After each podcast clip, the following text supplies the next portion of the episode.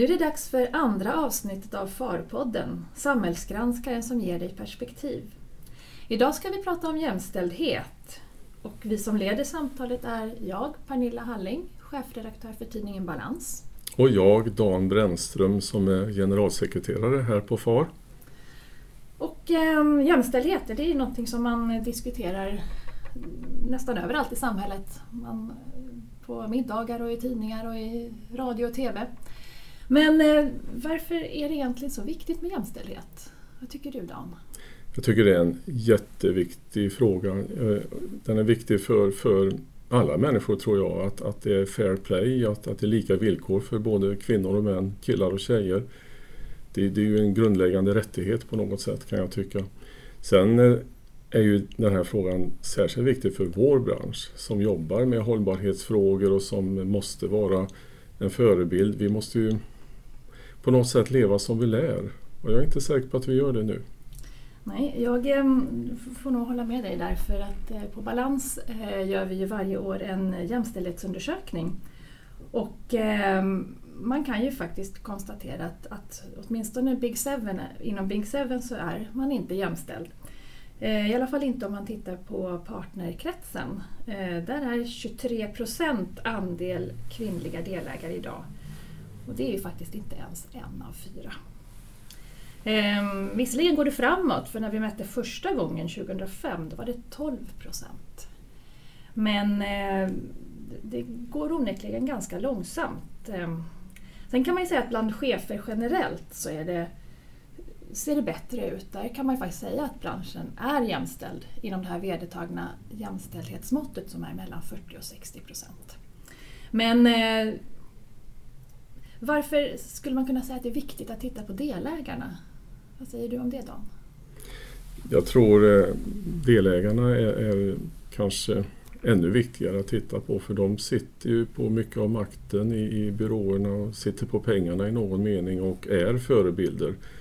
Och det är klart att, att eh, finns det en skevhet där och, och utvecklingen går alldeles för långsamt så, så är inte det bra tror jag.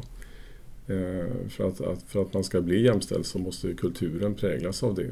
Och då är delägarna och hur de ser ut jätteviktiga. Um, vi har ju tittat på hur lång tid det skulle ta också för branschen att bli jämställd och då har vi ju ibland pratat om att det kommer ta sådär en tio år. Ja, det känns det, som att det är ja, rätt långt bort. Ja, det är långt bort. Det, det är en positiv trend under några år nu och det är jätteroligt att, att se att byråerna tar, verkar ta det här på större allvar. Det finns en större medvetenhet och eh, ökningstakten har ökat. Men, men tio år låter tycker jag alldeles för långt bort. Eh, särskilt som, som jag sa förut, att branschen eh, vill jobba med hållbarhetsfrågor, vill vara trovärdig, uppfattas som modern.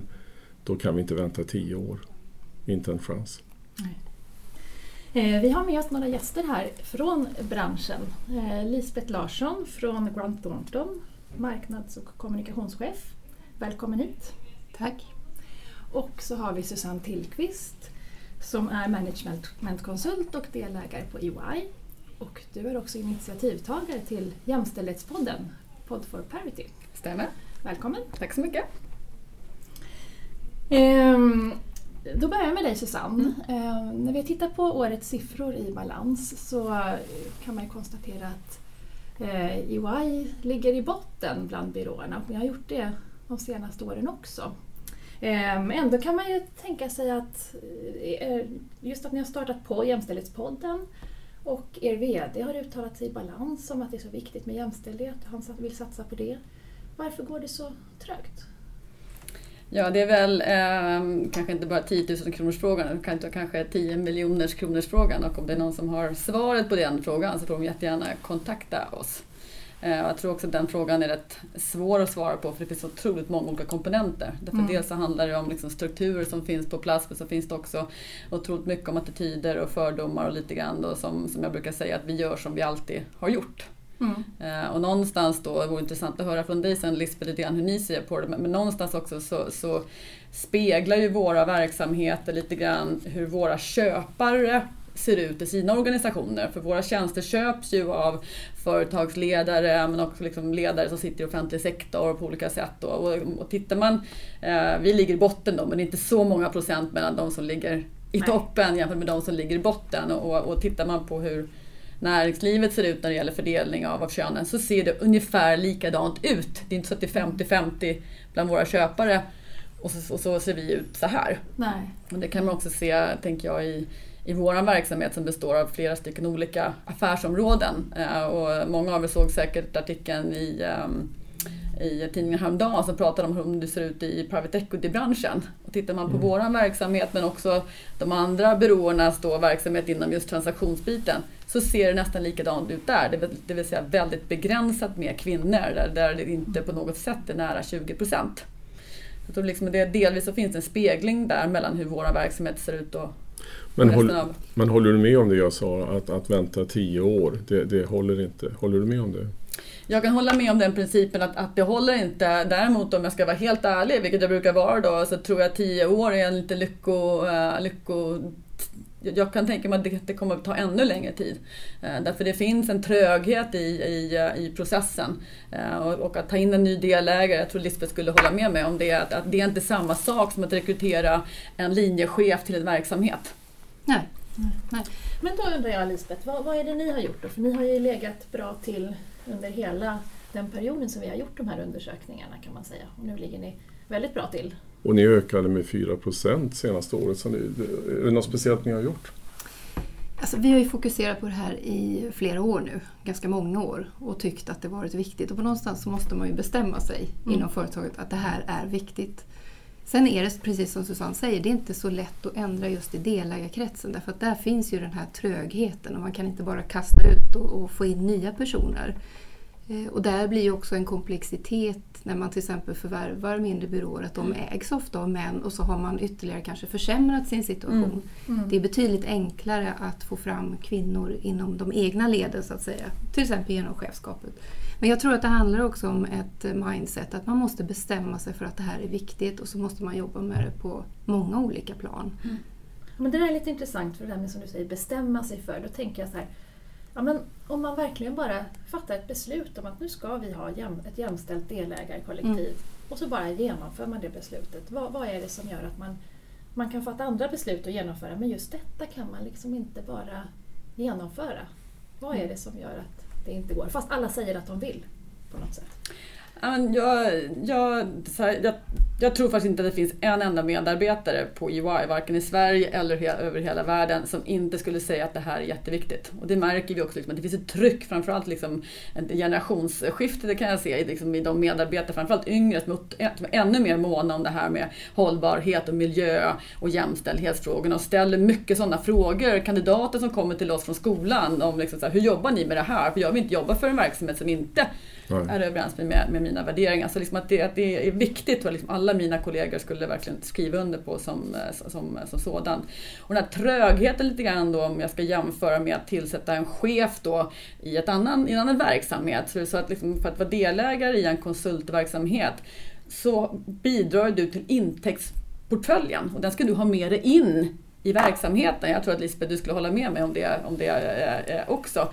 Och det ser inte likadant ut i andra verksamheter. Det är inte så att liksom, ska du få en hög roll på, på ett, ett eh, konsumentföretag så är det inte så att jag tar med mig 10 000 kunder som också kommer köpa era. era. Mm. det finns ju en, en, en portföljhantering där som, som, som, som är verklig, eh, ja. som behöver finnas på plats. Mm. Och det, det gör då liksom att, du, att, att eh, och ofta så, så ser ju vi gärna att det är du, partners, både kvinnliga och manliga män, men som kommer ha vuxit in i och vuxit upp i vår organisation. Mm. Men sen kan jag tänka ibland eh, när jag tar del av Balans undersökning här, man ser andel eh, kvinnliga delägare, hur det ser ut i ledningsgrupp och styrelse. Och då, jag, jag kan ju få den här tanken att, att det, det, det är ju bara som det ser ut utåt. Är jämställdhet på allvar, på riktigt? Jag menar, att fixa ytan kan man ju göra om man bestämmer sig. Men, men är det på allvar, Lisbeth? Är det verkligen på allvar? Så, så att det präglar hela kulturen och era affärsplaner och allt.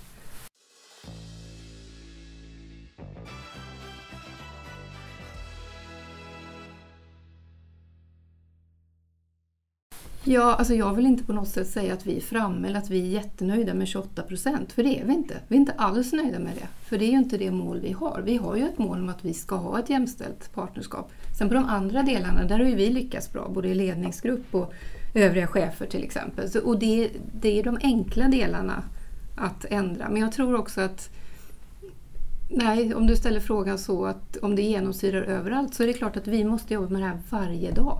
Mm. För att det handlar om normer, det handlar om att bryta normer. Om man tar ett exempel för några år sedan, då diskuterade vi mycket till exempel vilka personer som fick eh, åka på speciella utbildningar eller som var handplockade till kanske ja, lite speciella insatser. Och så kanske man vaskar lite grann från kontoren, vilka, är det, vilka namn är det som kommer upp? Ja, och så var det mestadels män. Mm. Ja. Och ska man då nöja sig med det och säga att nej, vi har inga tjejer att skicka? Eller vad vi gjorde då, då sa vi att nej, men det här är inte tillräckligt bra. Vi tar ett varv till och så Mm. frågar vi specifikt. Okej, och vilka kvinnor har ni på kontoret som skulle kunna vara aktuella från det? Bara det att ta det ett extra varv Ja. gör att då får du upp nya Mm. personer som mycket väl liksom passar i de här kriterierna som var uppställda. Mm. Fast de var, var inte top of mind. För att det fanns skäl som till exempel att eh, ja, men den eh, är nog inte så intresserad för den har precis fått ett barn eller kommit tillbaka från föräldrar. Alltså man, man skapade ursäkter för varför inte de här personerna Mm. var aktuella. Och det menar jag att då måste man ha den här medvetenheten med sig hela tiden. Mm. Mm.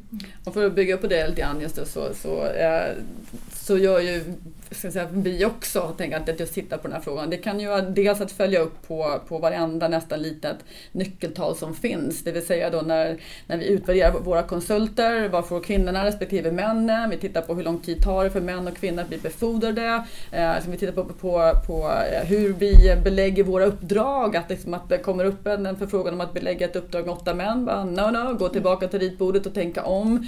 Eh, partnerkandidater, eh, eh vi får tillbaka, nej, ser det inte tillräckligt bra ut, titta igen. Eh, så liksom det, så så det behöver ju, men, men det, precis som du säger Lisbeth, så handlar det om, om mycket om normer, attityder, sånt som, som är lite svårt att förklara och som varken är rätt eller fel och mycket beteende som finns, inte bara i våra företag tänker jag, men säkert också på, på, på par, ute, far och ute i samhället. Det är sånt vi inte tänker på. Vi är inte medvetna om det. Jag tror inte liksom att, eh, att alla män som finns ute är, är någonstans medvetna om att de gör val som de gör och på något sätt skulle liksom vara emot jämställdhet. Jag tror inte det. Vad skulle ett sånt här omedvetet val kunna, kunna vara till exempel? Nej men det skulle kunna vara menar, att, att eh, i vår verksamhet, jag tror liksom i, i, eller jag ska säga, i vår bransch så handlar det väldigt mycket om att man teamar upp. Man går tillsammans till, till, till, till kund. Och så jobbar man med dem som man känner Mm. Och, och, mest. Och lite grann som det känns bra att jobba med. Och det är väl ingenting att sticka, sticka under stol med att de flesta män tyr sig till män. Och de flesta kvinnor tyr sig till kvinnor.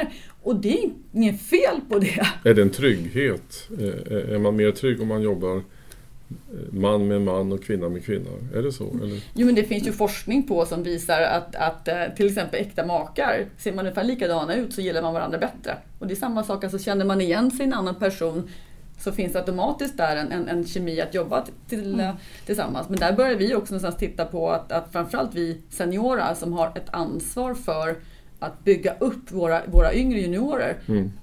Titta på vem jag normalt tar med mig till ett säljmöte, som jag normalt tar med mig för att göra en offert. Ta in någon ny. Mm. Mm. Ta med någon annan i det mötet eller det, i det, i det. Och det kan både vara en, en, annan, liksom en annan man om det var en man, men det, det kan också vara en annan kvinna. Att överhuvudtaget titta på ett, en, ett, ett uppdrag, en kund eller en möjlighet med olika nya ögon.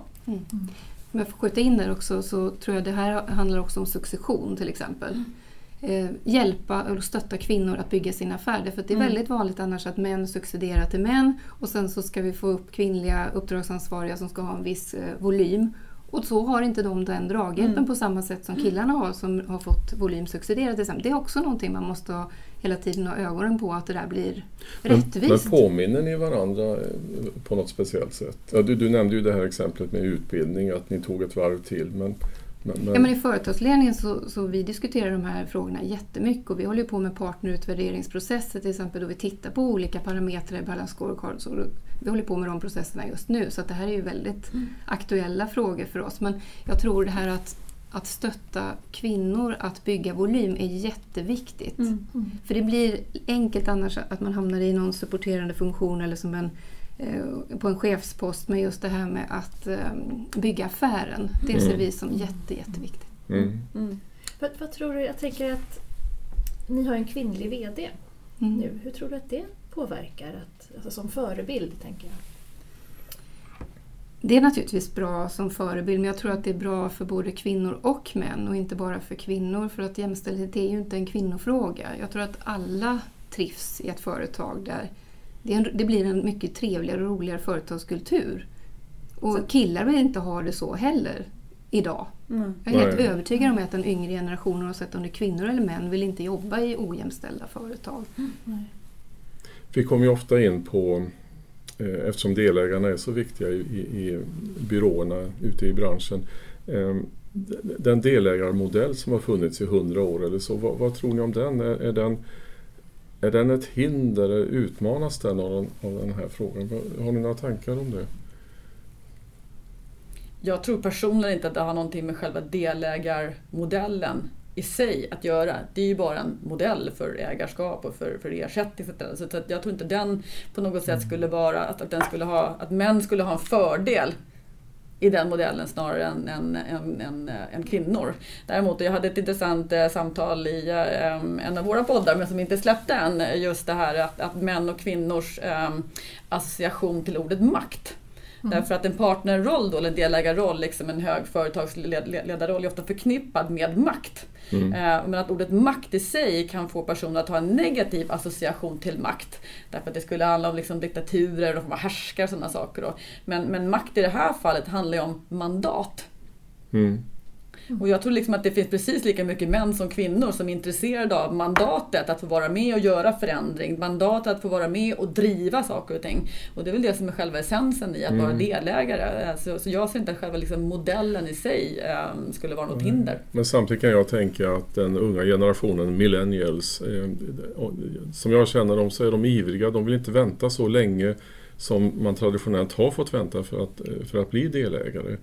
Eh, och, och, så att jag, jag, undrar om inte ja, delägarmodellen kommer att utmanas förr eller senare i alla fall. Och det kanske inte bara är jämställdhetsaspekter då utan det kan finnas andra aspekter. Du nickar lite Lisbeth. Ja, jag, jag nickar för jag, jag instämmer med din eh, åsikt där Dan. Och eh, jag tror att det finns andra sätt idag. Eh, för att precis som du säger, man vill inte vänta eller det kanske inte ens är någonting som attraherar på det sättet. Det kanske är andra värden i livet än just att vara delägare som som lockar. Jag tror absolut att man måste hitta åtminstone kompletterande belöningsmodeller. Den här, som, den här modellen som ni har med Salary Partners, är det en, är det en del i det? Ska man kunna säga? Fast det är kanske mer ett försteg för ja. att bli en, en equity partner, ja. skulle jag vilja säga. Så att, eh, nej men jag, jag, tror det är ändå just den här trögrörligheten som finns i partnerskapet. Det är väl den som är utmanande, att det är svårt att förändra i det. Mm. Och det kanske går snabbare på andra ja, men företag. Jag, jag, kan ju, um, jag kan förstå att det kan finnas då, uh, otåliga personer som inte vill vänta ja, så länge. Uh, och det vi kan se, eller det jag, det jag, kan se, jag ska tala för mig själv, det jag kan se det är då att, att um, den här otåligheten, att vi som byråer snarare behöver då, eller vi som företag ska säga, snarare då behöver utforska möjligheter för hur kan vi omhänderta den där otåligheten på vägen upp. Ja. Uh, och det kan ju vara då att vara snabb, mer snabbfotad internt för att erbjuda våra konsulter utlandsmöjligheter. Det kan vara att de snabbare får ta ansvar i olika typer av uppdrag eller kundkontakter. Det kan vara uh, möjligheten till, till eh, olika typer av utbildningar. Så att vägen från, om man säger ny konsult till delägare blir mer, mer rolig, mer eh, Alltså mer stimulerande och framförallt kanske då liksom få pröva på många olika saker. Därför att um, EY, liksom jag tror ett antal av andra byråerna, har ju andra alternativ till karriär. Man behöver inte bli delägare, man kan bli specialist hos oss. Det finns ju olika vägar att gå. Uh, alla behöver inte bli delägare. Men jag tror, liksom, jag tror snarare utmaningen är att, att behålla den här långsiktigheten i mm. firman. Då behöver vi vara mera snabbrörliga i att omhänderta den här otåligheten att snabbt få. Men det kan också vara att jobba tillsammans, varför inte ett utbyte mellan olika byråer, olika konsultfirmor eller med startups. Så man får vara på EY i tre år, sen får man vara med vara på en startup i ett år. Ja, absolut. Mm. Det är spännande. Så det tror jag är en större mm. utmaning i att... Äh, Men det kräver ett, ett aktivt ledarskap ja. och ett medvetet aktivt ledarskap mm. att, att, hantera det. Ja, men vi får nog anledning att återkomma till delägarmodellen kanske för den, den, den är ju så central i branschen och, och så viktig på många sätt. Mm. Eh, och den kanske utmanas från många håll egentligen. Mm. Om jag får slänga in en annan sak som, som jag ser som kanske en ännu större utmaning då, det är ju hur liksom, digitaliseringen och Internet of Things eh, eh, också ställer till det i våran bransch eh, och blir liksom disruptive. Sådär. Och att våran bransch behov av kompetens kopplat till liksom digital IT och den typen och den blir bara större och större. Och där är det väl ännu mer alarmerande att det är så pass få kvinnor som drar sig till eh, ingenjörsyrket, till IT och sådana saker. Och därför vi, vi har ju alltså, skriande behov av den typen av kompetenser eh, men har ännu svårare att få tag på kvinnor med den kompetensen för där är det ju eller, eller, eller äh, antalet kvinnliga bara studenter är ju ännu lägre. Mm. Mm. Ja. Mm. Om jag får säga något så blir det ju väldigt könsstereotypt mm. många gånger i mm. själva yrkesvalen. Och, mm. eh, det där tror jag också är någonting man måste titta på. Helt enkelt hur man ska göra det här mer attraktivt. Eh, mm. ja, att kunna ha liksom en chefsposition och vara kvinna och kanske vara i en ålderskategori också tänker jag mig när man är i 30-årsåldern. Mm. Man ska både bygga sin affär, man ska göra karriär, man ska skapa familj och hela den här biten.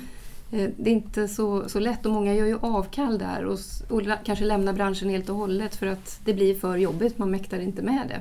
Mm. Och det där ser vi nu både på män och kvinnor kan man säga, när man kanske har i ett eh, och samma par mm.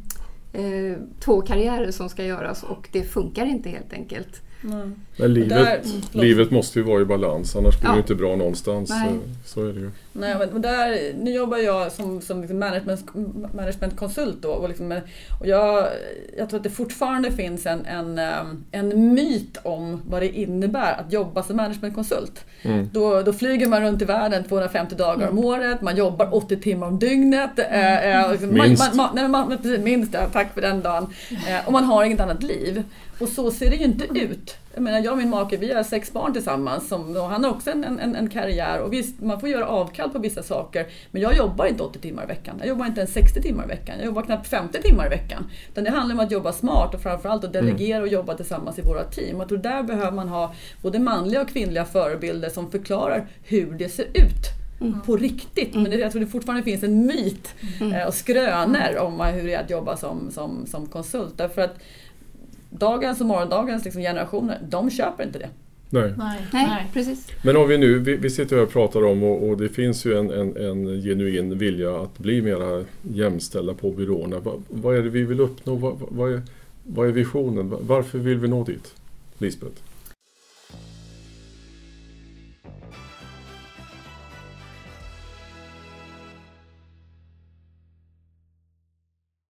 Alltså att inte vara jämställd, jag ser det som rent slöseri med resurser. Mm. Slöseri med människors kompetens, med deras utbildningar. Att inte kunna bli det som man faktiskt var utbildad till eller ville vara.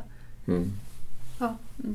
Ja, nej, jag skulle nästan säga samma sak. Och som, som, som, som kvinna så finns det ju dels liksom en demokratisk rättighet alltså som kvinna. Så där, som, eh, som är. Men framförallt så tänker jag att både vi men även de andra byråerna, då, om vi pratar just om, om de, de här byråerna, vi lägger ju ner otroligt mycket tid. Eh, dels på att rekrytera konsulter, både liksom juniora men även då seniora. Eh, men vi investerar också otroligt mycket tid och resurser i att utbilda våra, våra resurser och att sen då hälften av dem, eller 40 procent eller 30 procent av dem väljer att, liksom, att, att inte fortsätta vår verksamhet. Det är ju enorma mångmiljonsbelopp som går rakt ut genom dörren.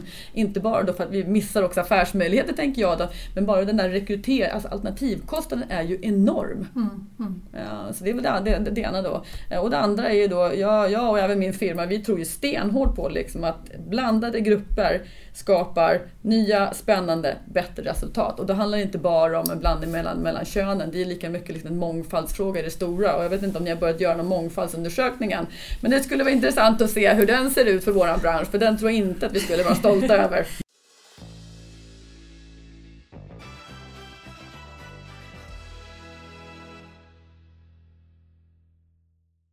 Vi som bransch förväntas ju vara innovativa i vår rådgivning men är vi tillräckligt innovativa på det här området att kliva fram och bli mer jämställda? Vad, vad säger du Susanne?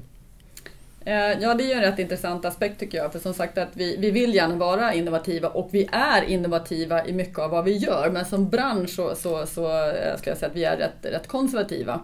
Så det skulle vara en, en rätt intressant diskussion att föra, eh, inte bara i kretsen kring FAR men också bland, bland byråerna. Eh, ska vi gå i bräschen Eh, och, och eh, vara innovativa då när det gäller eh, jämställdhetsfrågan. Ska vi till exempel till våra kunder erbjuda enbart kvinnliga team till exempel i vissa frågor. Här har ni möjlighet att få ett enbart kvinnligt team till just det här projektet. Men det är väl inget som hindrar det?